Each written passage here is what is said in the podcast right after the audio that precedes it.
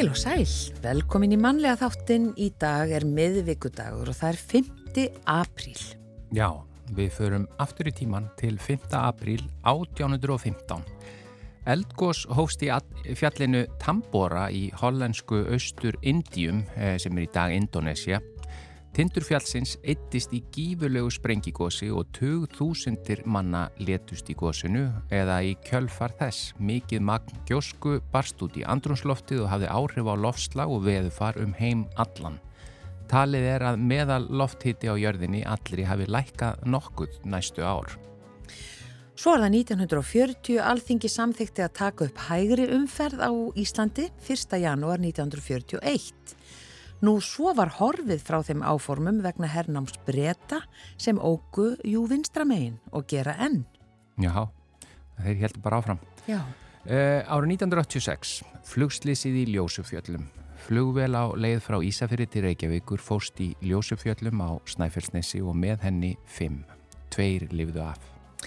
Og yfir í efni þáttarins í dag, hjónin Sigurður Rúnar Jónsson, tónlistamadur eða Ditti Fyðla og Áskerður Ólafstóttir, sérkennari, ákvaðu fyrir tíu árum að flytjast búferlum til Þýskalands og fylgja sinni sínum á fjölskyldu en sonur þeirra Ólafur Kjartan Sigurðarsson, óperusöngvari, hafi fengið vinnu.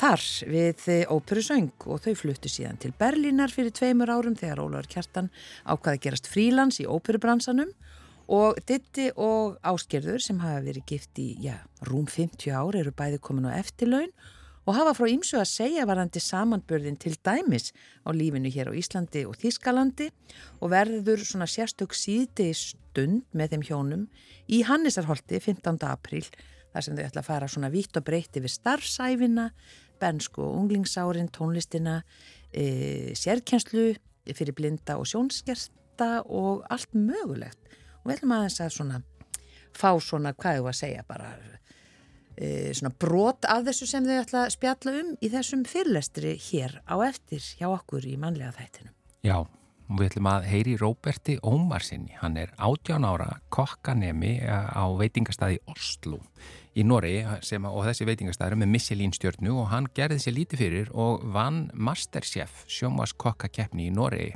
að segja Masterchef fyrir Eh, og hann hefur búið í Noregi frá þegar hann fjögur ára og vissi greinilega fljótt hvað hann vildi verða því að hann er á þriðja ári núna í þessu kokkanámi og þessi sigur sínir að hann á bara framtíðina fyrir sér sem kokkur og við ætlum að heyri honum og forvittnast aðeins um þessa keppni og, og, og hvað hann sér fyrir sér í framtíðinni sem í, í hvort hann komið til Íslands jafnvel að elda fyrir okkur. Akkurat. Og jú, þetta er nú síðasti vinnudagur flestra fyrir páskaháttíðina og framundan eru fjölmarkar fermingaveislur og alls konar veislur og við fengum fyrirspurni frá nokkrum hlustendum e, og eiginlega bara svona beðinni um að endur taka viðtal sem við áttum við veislu sérfræðingin og veitingahúsaeigandan Marensu Pólsen sem hefur áratugar einslu af því að halda veislur af öllu tægi af öllum stærðum og gerðum. Og hún sagði mitt frá því í þessu spjalli hvenar er nóg af veitingum og hvernig er svona best að hafa þessar veitingar og þetta er mjög frólægt spjall fyrir þá sem eru einmitt að fara að halda veistlu og það er hægt að bara uh, skrifa bara hjá sér það sem hún Marinsa segir. Já, við byrjum á tónlist, þetta er auðvitað, það er segja Sigur Rúni Jónsson uh, samtíð þetta lag, Ditti Fyðla sem er að koma að tala við okkur hér eftir með eigin konu sinni áskeri eh, og þetta lag heitir Sigulstöðvar Blues og Jóhanna Linnet syngur það, Þóraðin Eldjátt samtíð tekstan.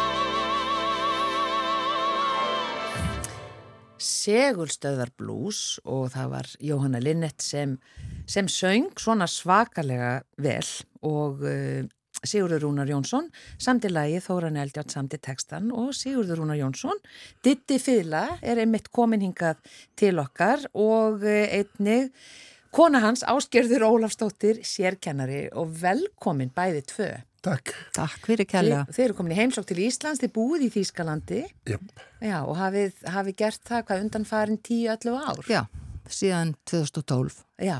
Já. Þú veist, einmitt að koma að því á eftir, en eins og við sögum hér í upphafi, þá eru þið að halda í Hannisarholti eða voru beðinum að halda smá erindi bara svona um ykkar lífslaup og starfsæfi sem er aldrei skemmtilegt, skemmtileg hugmynd. Það er núna 15. apríl. Já. Þannig við ákvaðum að fá ykkur svona í svona smá fórspjall. Já, takk fyrir það. það. Já, verði ykkur að góðu. E, svona hvar kynnisti? Þið eru búin að vera gift í hvað rúma hálfa öll. Ef við bara byrjum, byrjum þar. Á ég segja frá því? Þú mátt segja frá því, já. já. Þannig var að við, góðu vinnur okkar, Yngvar Sirvíkesson, hann átti kærast upp á Skaga og langaði til að fara heimsækjana og vildi fá mig með þessi, svo fær ekki alltaf einn. Og við fórum á heimsækjana og stundum fórum við hjólandi, við fórum með loftbúaskipi, við fórum á puttanum og alls konar fara, uh, sem sagt, ferðamáti. Og, og við tjöldum alltaf fyrir utan köpstæðin undir Akrafjalli. Og þar kom hún, hún Gugga sem var kærast hans uh, í heimsól og einhverju sinni kom hún með vinkonu sína með sér sem reyndi sér áskýr Rólastóttir og henni var svo kallt á kálvonum og ég lág hann í póka, sjóðandi heitur, Já. þannig ég bauði henni að stinga kálvonum hann í pókan til þess að líja sér og hún er búin að vera það síðan. Já, það reyndar gerðist ekkert meira þá, Nei. en bara hann líjaði mér á fótonum, en það endist. Já, það var góð, góð líja. Já, hérna voru við bara, hvað, 17 ára, 9-17 ára. Já. Já. Já, hérna. Og hvað, og hvað tekur síðan við? Nú, eh, við vorum náttúrulega bara krakkar. Ég var í kennaraskólanum og Ditti var í MH og tónlistaskólanum. En svo bara gerðist það að hann kom og heimsótti mig um upp á Akranes um áramótin hérna 67. Og þá var fóreldrum mínum óvænt bóðið í parti til vinahjóna og hvað gerir ungt og ástfangi fólk þegar að fóreldrarnir fara fara út, já, það kom í ljós nýju mánuðin segna, þá eruðum við foreldrar og eignuðumst okkar einu barn, hann Óla, Óla okkar, Óla Kjartan, þegar vorum átjónara gömul. Óla Kjartan Sigurðarsson, óperusöngvara. Já, já. já og hann hefði aldrei orðið til ef að fóröldra hennar hefði ekki þegi kaffesopa Nei, það var eins gott. Nú eru þakkir komnar á framfæri til þeirra sem buðu þeim í kaffi. Já, einmitt, einmitt Einmitt, gott að skoða þetta svona eftir á einmitt, hvernig svona hlutirnir uh, fara. Eh, Hvernig koma Vestmannegar inn í, inn í ykkar líf? Já, sko það var nú mjög óvænt. Það var algjör tilviljun eins og svo margt í okkar lífi og kannski lífi flestra. En 72 þá vorum við ákvæmum við að fara að kenna út á landi, okkur langa að prófa að búa út á landi og vorum búin að ráða okkur í skóla upp í borgarferði og meira segja búin að fara og velja liti á íbúðina sem við áttum að fá og allt það nema að í ljós kom að við áttum að vera lausráðin eins og þá var. Þá mátti bara fastráða 80% kennara við hvert skóla og þetta var sveitaskóli í 8 mánuði Þannig að við bara sáum allt í einu að við myndum fá miklu lægri laun bæðið tvö heldur en við heldum. Já. Og við sættum okkur ekki við þetta, vorum búin að segja upp okkar vinnu hér í Reykjavík og húsnæði, þannig að við fórum nýri í ráðuneyti, mentamálraðuneyti og hittum þar fyrir Sigurð heitin Helgason og bara lögðum fyrir hann hvað eigum við að gera og þarna var, var komið haust og við vorum með tæplega fjárhara gammalt batn og húsnæðislaus og vinnulegs og Sigurður bladaði í bunga og sagði viljið flytja til Vestmanneja, þar vanta bæði batnakennar og tónmentakennara. Ditti hafi komið ánga og spilaði að balli, hafi aldrei komið ánga, mm. við sögum bara já og fluttum þanga tveimu vikum setna og í millitíðinni giftum við okkur. Já. Þannig að þetta var bara algjör tilviljun. Já, þetta er svolítið merkilegt. En, en við vorum ekki búin að vera þar nefnir fjóra mánuði þegar að, að vestmann er mótmælt okkur og, og hófa að gjósa. Já, það hefur verið ykkur að kenna. Já, algjörlega. Sko. Já, já. en tó, þeir, þær tók okkur í sátt og við fluttum okkar aftur 74. eftir gos, já. Eftir gos, Já. Og hvaða svona minningar eigið þið frá gósinu? það, er, það, var, það var eitthvað sem maður glemir aldrei. Þetta var alveg makalust sko, við vorum vakandi því við höfum verið að skála við vinn okkar samkennara fyrir því að við ætluðum að setja stað einhver tíma í eigum og kaupa okkur lítið hús Já. og þau voru nýfarin og áskilur var að hérna inni ganga, koma eitthvað þessans með Óla sem var veikur þetta kvöld. Og ég var inn í eldursi eitthvað að ganga frá. Þá var lamið að hurðina hjá okkur svona ofbáslega fast og bara öskrað. Og ég hleyp fram þá var það móðir konu sem bjóð á loftinu fyrir ofan okkur. Þá hefði hún verið að koma frá því að ræsta því held manka og hún var semst úti að ganga þegar gósi byrjaði og beintur utan húsi hjá okkur og hún að hugsaði fyrst og fremst um dóttur sinna til að láta hana vita og, og sagði, bara sagði mig það byrja ekki ása, það byrja ekki ása og ég fer út í eldurslugga og ég sé þarna eina eldsúlu koma upp og ég bara neglist niður. Í því kemur önnur hæra megi við og ég neglist ennþá meira niður. Hversu nálagt var það húsin ykkur? Sko, ég held þetta væri inn í byggð vegna þess já. að húsin voru, sem voru á milli voru í sílu eftir við eldin Já, já. en ég held að gósi hefði komið bara upp á, í ykkur götuð eitthvað sluðis en þetta var, hvað var þetta látt frá? 200-300 metra? Nei, meira. Kannski, við vorum alveg niður í miðbænum. Já, já. Á, á, Já, nema að svo kemur þriðja súlan upp og þá hugsa ég, guðminn góður, eigin á eftir að klopna í sundur og fólk einangrast í hópum, þannig ég fer henni í eldhús, opna ískápin og þar var frósin lambalæri sem ég greip með mér. Það var fyrsta sem þú hugsaður um. Já, eigin ykkur að borða, þau myndu þurfa að býða ykkur að daga eftir að vera bjargað. Já. Hann þetta hefur aldrei vita, að, að vilja vita að maður veri svangur. Nei, nei, það er, það er það er ekki gott. skelfilegt. Já, skipti miklu máli. Já. Þannig að þú tókst frosna lambalærið og hvað og svo bara hljófst út með fjölskyldina. Og svo batnið í, í sæng Já. og Óli var þarna fjári ára gammal og það var nýbúin að vera þrettandinn Já, já. og þre, á þrettandanum er mikið um að vera í vestmannheim og Óli bara var þarna með háan hita og horfið í kringu sig og sagði aftur komið þrettandinn og við sögum bara já Já. Já, já, já. en maður var skelvingu losti Já. ég man alveg sko hvað ég hugsaði maður verður einhvern veginn svo rólegur í svona, við svona áfall ég man að ég horfði á Óla og hugsaði en hvað það er sorglegt og hræðilegt og svona lítið batt fá ekki að lifa lengur ég hafði engar áhyggjur af mér sem var 22 ára Þú helst þetta væri bara búið. ég var þarna. alveg viss um það þangað til að við vorum komin um borð í fiskibát og búin að sigla frá landi þá var ég alveg viss um að þetta væri okkar síðasta Vá. já Já. Og fa- fannstu, funduðu fyrir þessu bara hjá fólki allt í kringum ykkur sem að voru Já, bara komin nýra á höfn og, í mjög, sko fólk var almennt ótrúlega rólegt. Já, það var ekki, það var ekki kaos ástand, fólk var svo rólegt. En sko sjokkið var náttúrulega allavega hjá okkur mikið. Já. og maður gleymir þessu aldrei maður sér þetta fyrir sér alveg lið fyrir lið. Já. Og þið farið aftur út til eiga. já, Já, Og hvað eru þið lengi þá þar? eru við fjögur ár, Já. Frá höstu 74 til 78. Já, einmitt. og Þannig við að, vorum að kenna þarna við barnaskólan og, og Ditti var að stjórna fullt af kórum og við áttum ó, ótrúlega góð ár þarna, Já. mjög góð einmitt. já, Og þú hefur lagt fyrir því sérkjenslu áskýrður, þar sem þú veist að kenna einhverfum, já að, aðalega. Já, ég, ég gerði það í mörg, mörg ár, yfir, yfir 30 ár held ég. Já. Fyrst við fyrstu sérdildina sem að var fyrir einhver börn í dyrunskóla sem þá hétt í Kópavögi og síðan við fjölbryt í Garðabæ. Og svo frá 2001 þá hef ég unnið á samt vinkonu minni Sigrun og Hjartadóttur að ráðgjöf og þýtt eh, námsefni sem er notað með einhverfum og, og öðrum. Mm. Uh, þetta er svona, uh, þetta heitir kattkassin og eru, eru svona verkværakista til þess að, auðvelda samtöl við, við þá sem eiga uh, kannski einhverjum erfileikum með að tjá sig. Og við Sigrun erum búin að halda námskeið í þessu í, í alveg frá 2005 Mm. og við vorum að ljúka núna við þrjú námskeið þess vegna kom ég til Ísland. Já, akkurat. Og þetta við vitum kannski náttúrulega, já, meira um þig, þú hefur verið ansi ábyrrandi bara í tónlistalífinu, það er Já. stúdi og stemma, og þú ert uh, búin að taka upp örgulega bara flesta kóra á Íslandi Já. og alls konar stóra hljómsveitir og, Já, og ég veit ekki hvað og hvað. Hvað, hérna, uh, ef að þú svona kannski getur sagt okkur bara hvað svona finnst þér merkilegast að, þinni, að þínum ferli? Ég bara smá spurning, ekki Já. stór. ekki. Mjög- En það stendur náttúrulega upp úr þegar ég tók upp unga 17 ára söngkonu á lögvarsveginum. Ó, Já, í fyrsta stúdíónu mínu. Ég minn, gleymi því aldrei, það var alveg indislegt. Hún heitir Guðrún Gunnarsdóttir. já, það var einmitt það. Þakkaði fyrir það. Var, var það fyrsta skipti Guðrún sem þú Já. söngst í stúdíói? Já, það held ég.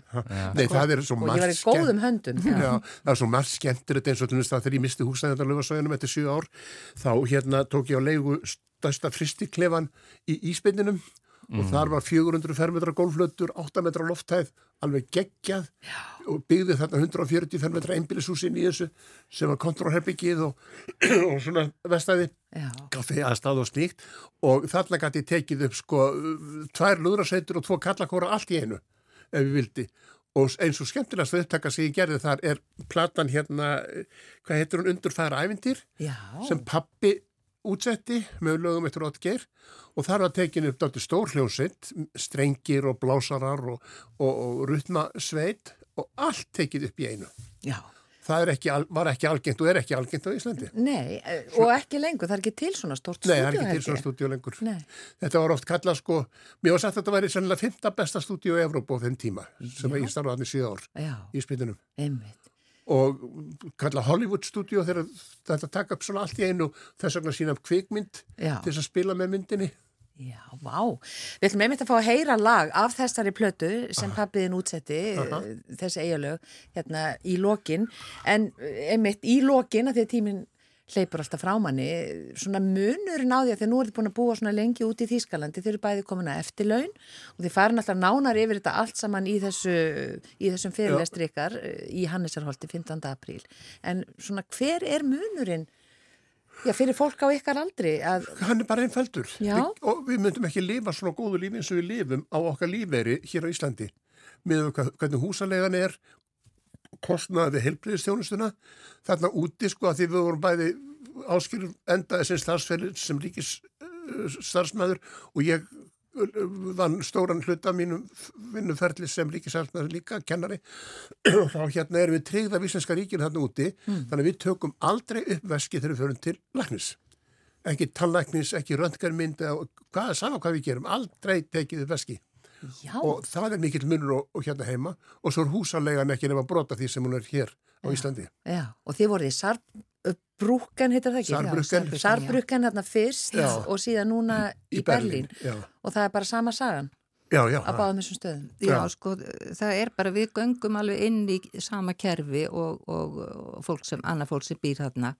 Þannig að það er, að, fyrst þegar við vorum að fara til lækna, þá vorum við alltaf að taka upp veskið og það var bara að horta á okkur. Það er ekki peningakassi á læknastofum. Það er, þetta er allt inn í sjúkratryggingakerfinu, að það er engin komugjöld, engar rannsóknir greitar. Ég er búin að þurfa að fara í segul, ómun, árlega og ég borga aldrei neitt fyrir það. Það munar alveg um það. Já.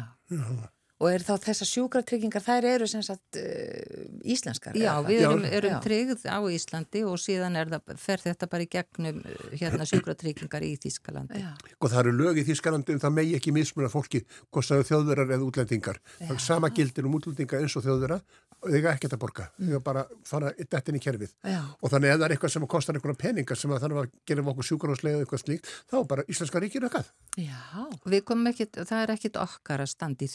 milli sem sagt sjúkratryggingarna. þannig að það er, það er hérna gott að eldast í Þýskalandi. Já, Já. að þessu leiti er það það. Já, En auðvitað náttúrulega eru rætur okkar hér og hér eigum við tvö af þremu badnabötnum okkar og þrjú badna-badnabötn svo það er náttúrulega indislegt alltaf að koma hingað og, og hér eh, eru all, flestir okkar vina líka. já.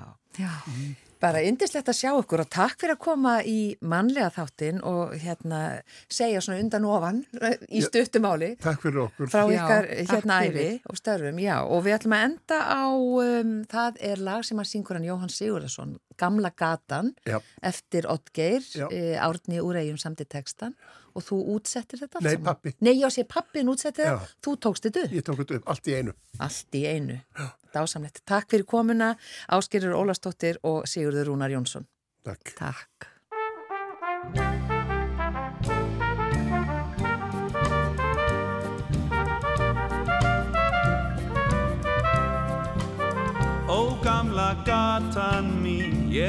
Ég gladur vitja þín og hornar stundir heilsa mér.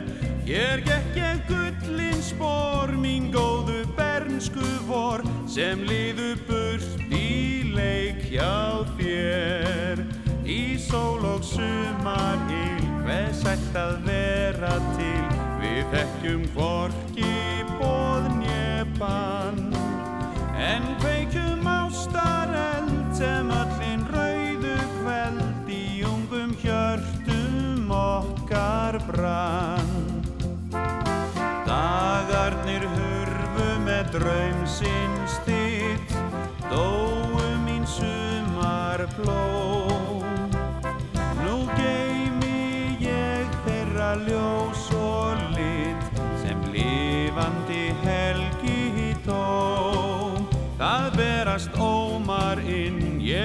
opna gluggan minn og um mig leikur andi hlýr.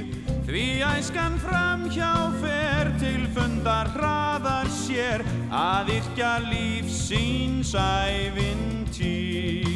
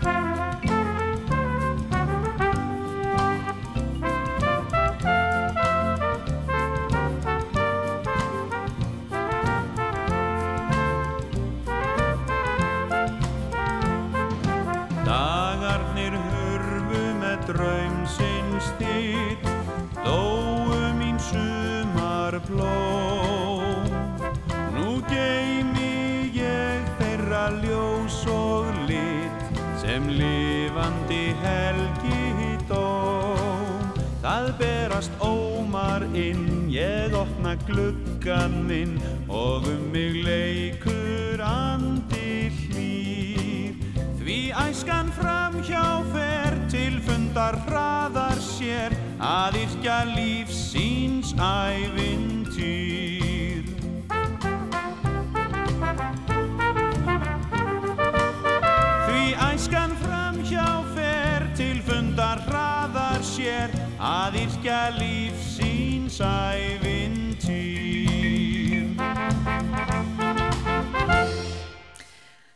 Þetta var Gamla gatan eftir Otger Kristjánsson og textan gerði á sig í bæ og það var Jóhann Sigurðarsson sem söng og eins og hann saði okkur, hann ditti fyrla, Sigurður Rúnar Jónsson, þá tók hann þetta upp í stóra stúdíónu, stúdíó Stemmu, vestur í bæ og pappans Jón Sigursson, hann útsetti þetta allt saman. Já, eins og við sögum frá í upphafi, þá eh, Róbert Ómarsson, 18 ára íslenskur kokkanemi sem vinnur á Michelin veitingastæði í Oslo og gerði sér lítið fyrir og vann Masterchef sjónvaskokkakeppni í Noregi. Já, unge talenters í Noregi. Já, og hann er á línunni frá Oslo, ekki satt, kontur sætla blösaður til Hamingju. Sæl, takk fyrir það. Já, innilegar hamingjóskir.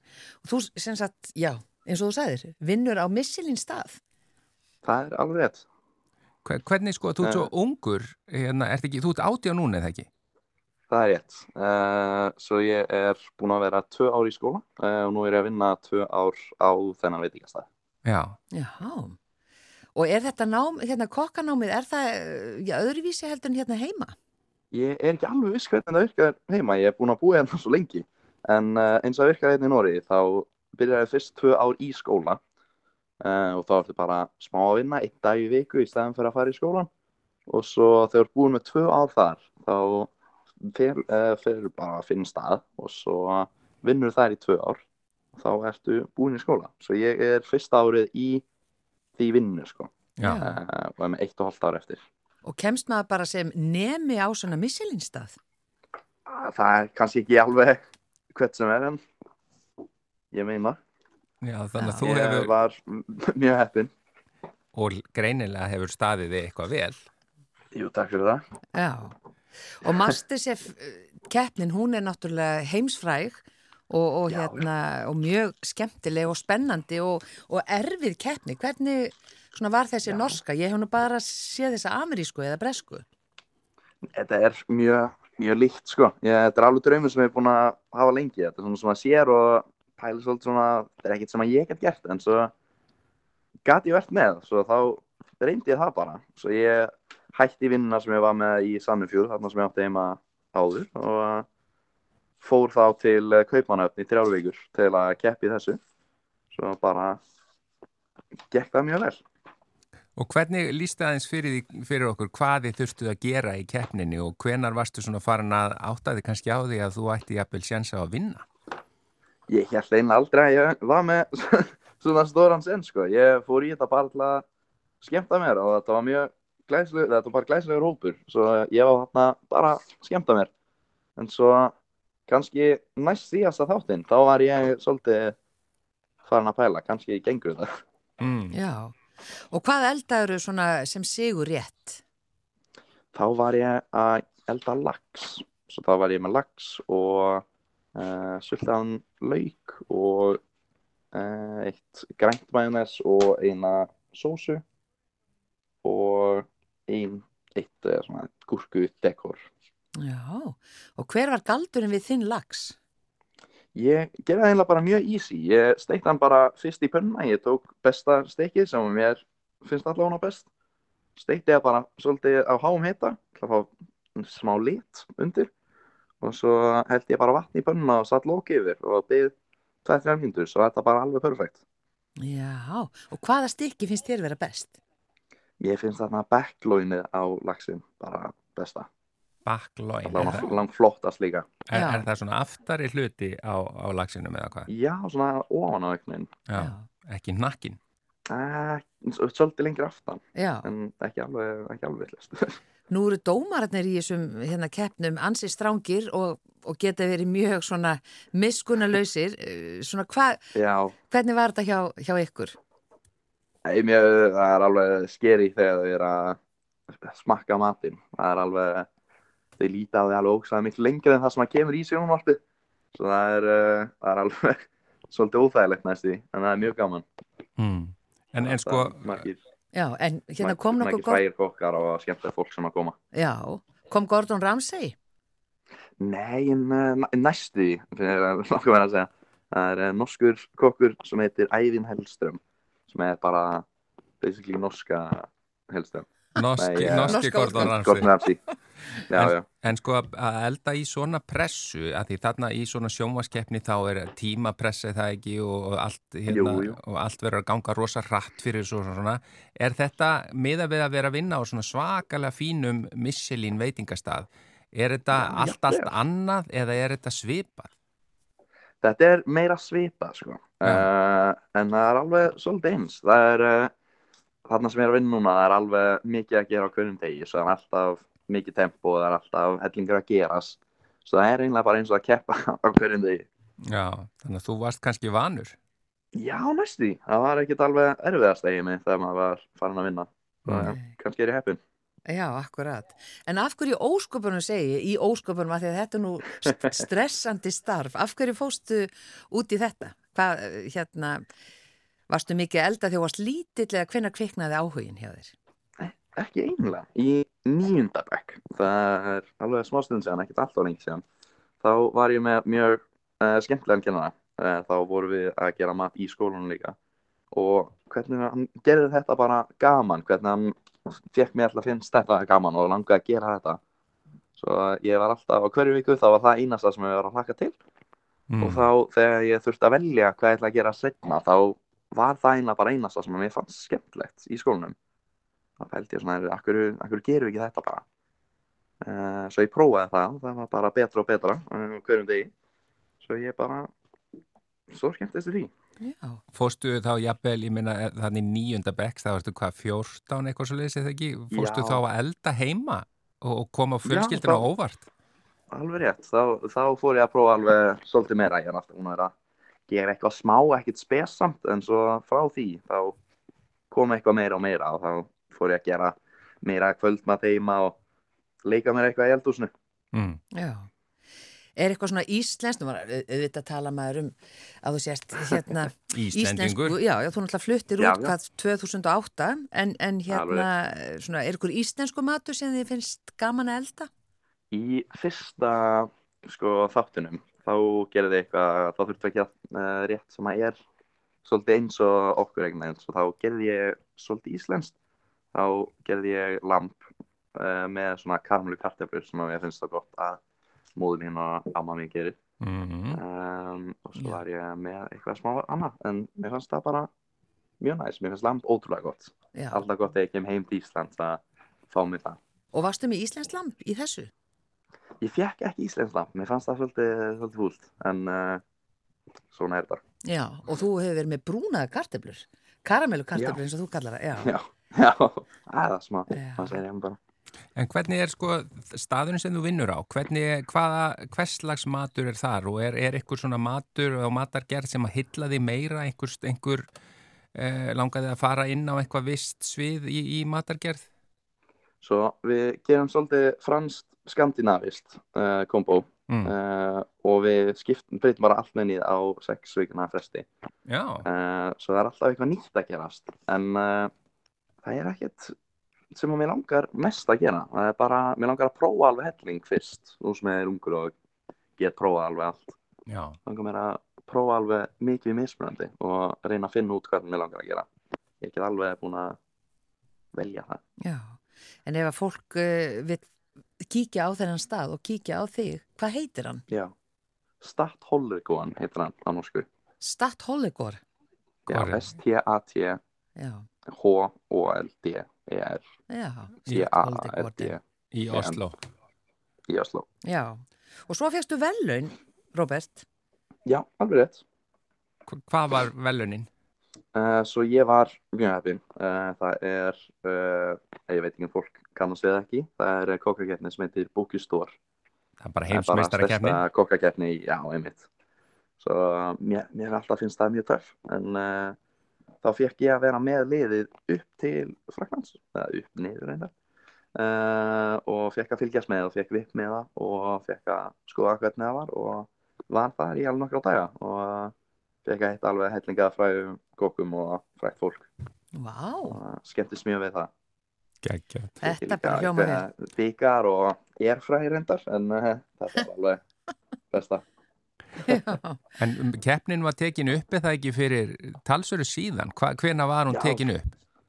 Uh, hún var tekin upp í júni í fyrra, svo þetta er alveg, ekki alveg en ekki langt frá einu ár síðan. Og hvernig þurftur ekki bara, var ekki erfitt að með ekki segja neinum frá því að þú hefur unnið fyrir en að þetta loksins fór í, í, í sjónvarpið? Jú, allavega þegar fólk er búin að fylgjast með og spyr fólk annars í hverjum degi hvað, hvað gekk, hvað gekk og ég má fara ekki að segja það. Það er búin að vera svolítið skrítið hérna, já. gekk mjög vel, ég er ekki búin að segja neinu. núna Já. loksins máttu. Nú maður loksins, Já. nota mér smá. Og bara innilegar hamingjóskir, er ekki fjölskyldan stolt að þér? Takk fyrir það. Jú, mjög, það er bara geðveikt. Já, Og þú, megum við búast einhvern tímann að fá þig hingað til Íslands að elda fyrir okkur? Já, ég myndi, ég myndi alveg halda það. Er það ekki? Jú, jú, er það ekki? jú, það ég að vona. En kæra þakkir bara fyrir spjallið Róbert Ómarsson sem varst eh, að vinna eh, Masterchef í Norri, unge talenter í Norri, þetta er svona ungmennakeppnin Yes, og þú ert bara 18 ára. alveg rétt. Innilega til hammingju og takk kjalla fyrir spjallið. Hvernig er veðrið núna? Er komið Takk vor í Oslo? Það er komið vor, ég er hægt að fara út án þess að frjósa. Það er.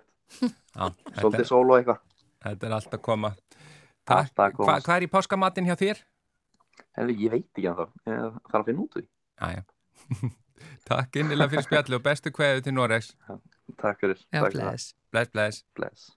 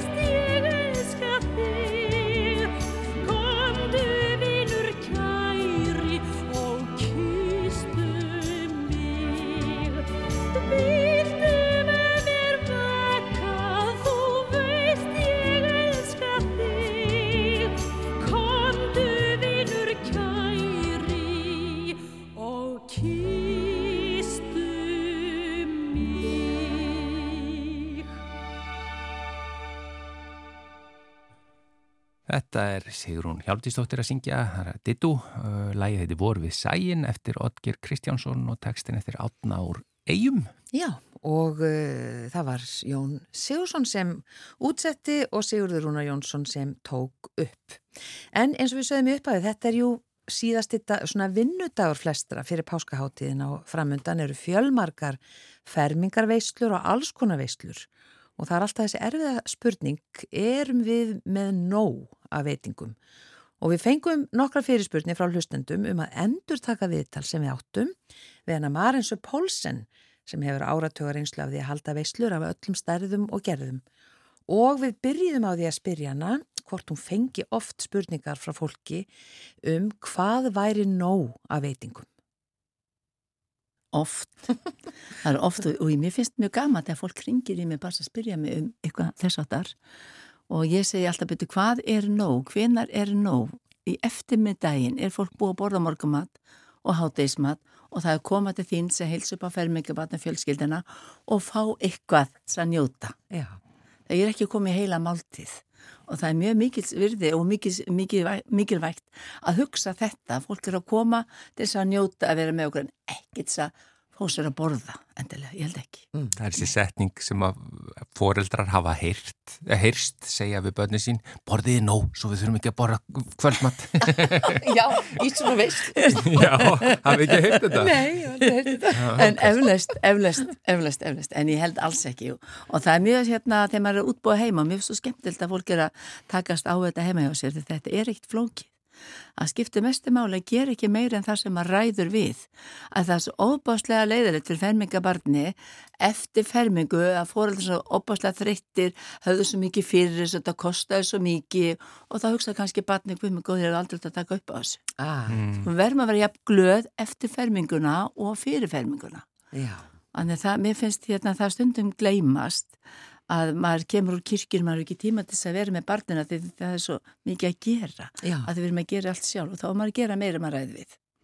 En Akkurat. þetta hvenar er nóg, ég segi alltaf, hafið frekar tvær, þrjá tegundur af góðum kökum og hafið kannski nóg að þeim, heldur en að fimm, sex tegundir og svo kannski er ég bara fann að fá mér svokulega kökun sem ég maður að fá mér að næstu ferð. Þá er hún búin. Þú veist, að kláraðist hún. Mm. Búin frekar til einhverja þrjár góðar tegundir og tvær, þrjár tegundir af hverju kökunni.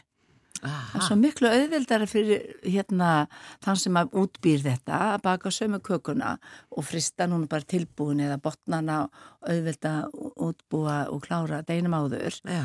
en maður þarf að hafa meira brauðkins að því að hérna og það er mjög gaman að fylgjast með því fólk að borða minna sætt Já. Ekki Hefur það alltaf verið þannig? Nei, það, þróun? hefur ekki verið þannig Nei.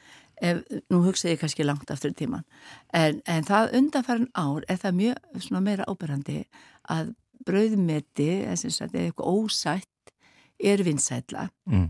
Og það er vegna sem fólk er búið að draga úr síkri og sem er bara mjög jákvætt. Og fullt af börnum veist, þau er ekkert að sækja í kökurnar eins og ég gerði og, og hérna, kannski mín börn. En mikið frekar að, að búa til eitthvað. Og þegar maður er með börni með sér hugsa hvað borða börn þau eru ekki að fara í snittunar eða brautertunar búin þá frekar til hérna skinkuhornin eða pizzasnúða eitthvað svo þau taki í hendina að þau nenni heldur ekki setjast nýður og borð, þau vilja bara hlaupa um og fá sér eitthvað að borða eitthvað og það er ágætt að hugsa þetta þannig Ég segi stundum, búið til eitt borð fyrir börnin sem er þá absinsafi eða kókumjölk eitthvað og eitthvað fyrir þau að borða. Aha. Þau elska þetta. Já. Þannig að fara fá líka fóreldrarinn aðeins frið í sínu. En maður hugsaður oft um að hafa eitthvað þrennt, þrennt sem er þá brauðkins og eitthvað tvent sætt. Og það getur verið kannski bara ein terta, fermingaterta, núna er komnar aftur kransakukuna, mér finnst það skemmtilegt, Já, er hátilegar, skrautlegt, já. já. Og svo má bara vera eitthvað sem er svona bara, svo tekur í hendin, eitthvað svona minna. Getur verið, þú getur búið til góða skúfuköku og búið til gott krem eða gulrótaköku skúfu og skorið hann í litla bita. Og meira að segja, meira þegar tvær þegar tegund sem hún gerir, vera þannig. Oft býr fólk þannig það getur ekki allir setið og þá getur haft svona standandi sitjandi bóð. Þannig að þú þarft ekkert að setjast niður með gaffallin að borða. Heldur getur þú tekið diskinn og stungi upp í því eða farið aftur aftur að borðinu. Mm. En hafa eitthvað svona tvent-trent sem, sagt, hérna, sem er þá hérna, eitthvað brauðkins eða ekki sætt og þá getur verið mjög sniðut ef þú ert með hérna, hérna graflagstartar til dæmis Mm. setta hann bara á fat sósunu undir og, og, og, og hérna kötta niður eða skelu niður í kuppa lagsin, setta hann ofan á og skreita og svo er þetta bara með brauðkörfu eða rökkbrauð fólk getur sett á, þá hefur við minna fyrir þessu og hérna Já, það er svolítið sniðt og þá líka þarf þetta ekki að standa og verða svona Nei. blöytt sem margir... Ekkert, þú getur þetta, þetta er gert einn máður, mm. Mm. bara í kæli og eins það að þú getur búið til uh, gott hummus, til þess að gera hummus aðeins meira, þá getur þú sett í það hérna avokado maukaði með og jafnvel basiliku og setja bara líka svona fat og setja bara svona góða ólí yfir og, og eitthvað grænt Við byrjum hérna mauka avokado og svo úti að blanda það Já, við. blandaða Vá. við hummusin Ég og, og hérna, eins það. hérna basilikun, hugsa ykkur þetta bræð, hvað þetta er flott saman. Já, og, og svo fer það bara líka á svona eitthvað svona fatt með brúna á, svo bara einhverja góða óli yfir og eitthvað svona grænt skreita og fólk fæst sér svo bara ofan á brauðið. Þetta er alveg eins gott og að fara að búa til einhverja brauðið með fullt af krem öðna, hérna salati Já. þannig að þú getur gert ýmislegt svona Mm. til þess að auðvelda þér og, og maður hugsa þetta að fólk er að gera heima og hefur lítið geimsluplás en þá áttu þetta til og þetta enga stund að setja í fötin, þú veist, hérna morgunin eða eitthvað en þetta má gera deginum áður, Já. það er bara alveg jafn gott og getur kannski verið sniðut eða á þetta saman við þú kannski ætlar að hafa blíni, svona lítil Að, blíni. bara það getur þú baka bara mánuði fyrir og setja frist Já, og þú getur þá raða því Já, bara og svo disk, tekum maður úr þessum Já, skálum já, til þess að setja já, á. já. Já. Mér finnst sko brauð Akkúrat. eh, það er að segja heitur brauðréttur og svo brauðtertunar. Best Mér finnst það best. Já. Mér finnst það betra en kökurnar og það. Það er bara... En fólk borða það auðvitað ekki síður Já. og þetta með, með heiti brauðréttuna, þe- þeir líka mjög auðveldir Mm. og ef þetta gera brauðtertu og kannski brauðrétt líka, Mhm. Þá sker maður svolítið af brauðinu þegar maður býtir brauðtertuna, þá getur nota afskurnin í heitaréttin. Að þú getur sett það bara í botni, þó sé skorpan, hún er ekki hörð á fransbrauði, alls ekki, eða helgvitsbrauði og svo kemur alltaf gummulaði ofan á. Og í flestum svona tilfellum eitt svona eldfast mót sem er kannski, hvað getur maður það, svona tveir lítrar eitthvað svo leiðis, það er alveg tól manns að fá sérna skeiður því. Já. En hvað, er, er sko brauðréttin þessi heitu brauðréttir, þessi típisku sem að, hérna, og, og e, brauðtertunar, er þetta ekki komið frá Danmarku eða Noregi eða eitthvað Sko, slikt? brauð, það er svolítið gaman að hugsa að þetta, ég held að þetta væri Íslands fyrirbæri, þegar ég kom til Íslands. Já, En þetta kemur frá Svíþjóð. nú frá Svíþjóð. Já. Þeir hafa alltaf búið til smurgóstertor. Já, En þeir, og svo út, kemur þetta hvernig við erum, svo útfæri maður það að sínu. Hva- hvað er svona íslenska við, uh, Það er íslenska útfæsla? salatið.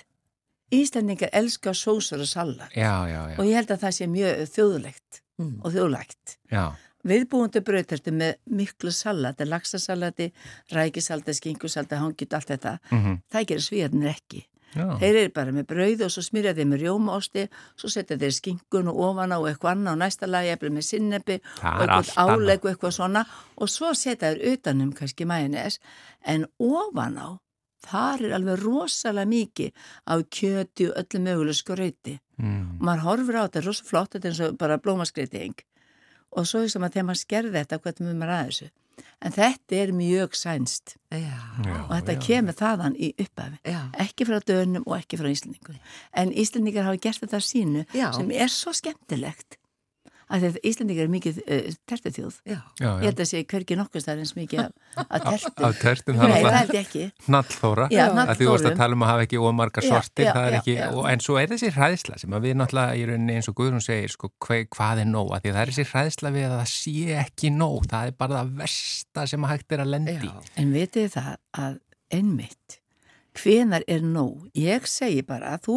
veist að það koma 40 mannstilinn í, í veislu og það eru 12 stórar köksneður í ein, einu venjulegur tertu sem er 24 cm form. Það eru 12 sneiðar Mm. og svona stóra sneið taka fæstir þannig að þú getur sagt að ja, það er allavega átján sneiðar í einu svona köku og einu svona tertusneið ef að þú hugsaður um því, hvað borðar þú? Ég fæ mér ekki fjórar af þessar sömu, það gerir þú ekki. Þú færður eina og svo færður eina hínu en svo færður þetta brauð og kannski eitthvað pínlítið sættil viðbóta og þá er gott að vera með litla kransakökur, þess vegna einhver skemmtilega smákökur, sörur eða eitthvað sem er að gera fyrir jólin, þetta er líka skemmtilegt að hafa sem auka bita, mm. sætibita í fermingavíslinni. En brauðið, ef þú tekur eina brauðtertu sem er búa til svona eh, ferkanda brauðtertu og þá eru kannski tvær svona langar brauðsneiðar Já. Mm í og svona brauðtertu er alveg fyrir 15 átja manns. Já. algjörlega. Og þetta eru þrjúlu undatekningalöst það er brauð, salat, brauð, salat aftur brauð. -hmm. og þetta er kannski 20 manns að taka af þessu. Ég meina, það er ekki allir að taka stóra sneiðar. Það held, allavega það er ekki mín reynsli í dag. Fólk borðar öðruvísi það fær sér lítið, það nýtir þess að fá bragði og smakka. Og þess vegna er svo gaman að búa til mat í dag. Að þegar maður upplifir það að gestunum finnst svo gaman að smakka. Hann, eh, en þú veist, þegar maður setur mikið að diskin sinn, þá bara borða maður það. Maður pælir ekki eins mikið í bragðinu. Nei. Nei. en það er breytingin og mjög skemmtilegt. Já, bara ein í lokina þegar við fengum símtal í morgun e, frá einni sem spurði sem er með mat fyrir 50 manns e, hvort hún ætti að kaupa 50 manna fermingatertu til að hafa í desert? Nei, nei, nei, 30 30 Alveg nóg. Já, vegna þess að þá ertu hann settur. Já, og búin já, að fá já. matinn og þá er þetta lítla deserti sem kemur á eftir. Bara með smá kaffi. Smá kaffi og, og þetta er svo stóra kökur. Og, te, og maður er svo sætt. Já. Já, Já. þú tekur Ég- ekki stóra sneið. Nei, alls ekki. Og svo má klára og það er bara gaman, fólk borðaði matið minn. Við ætlum ekki að hafa þess að sóun og skilja mikið eftir Já. og, og dreifa svo út um allt eða borða fermengavislu í marga daga. Takk fyrir þetta, Marensa Pólsen. Takk fyrir. Takk, takk. Já, þá er bara þættinum lokið í dag og það þetta er síðast dagurum fyrir páska. Já, og við segjum bara við ykkur hlustendur góðir, gleðilega páska. Já, njótið vel og við heyrumst aftur eftir páska. Verðið sæl.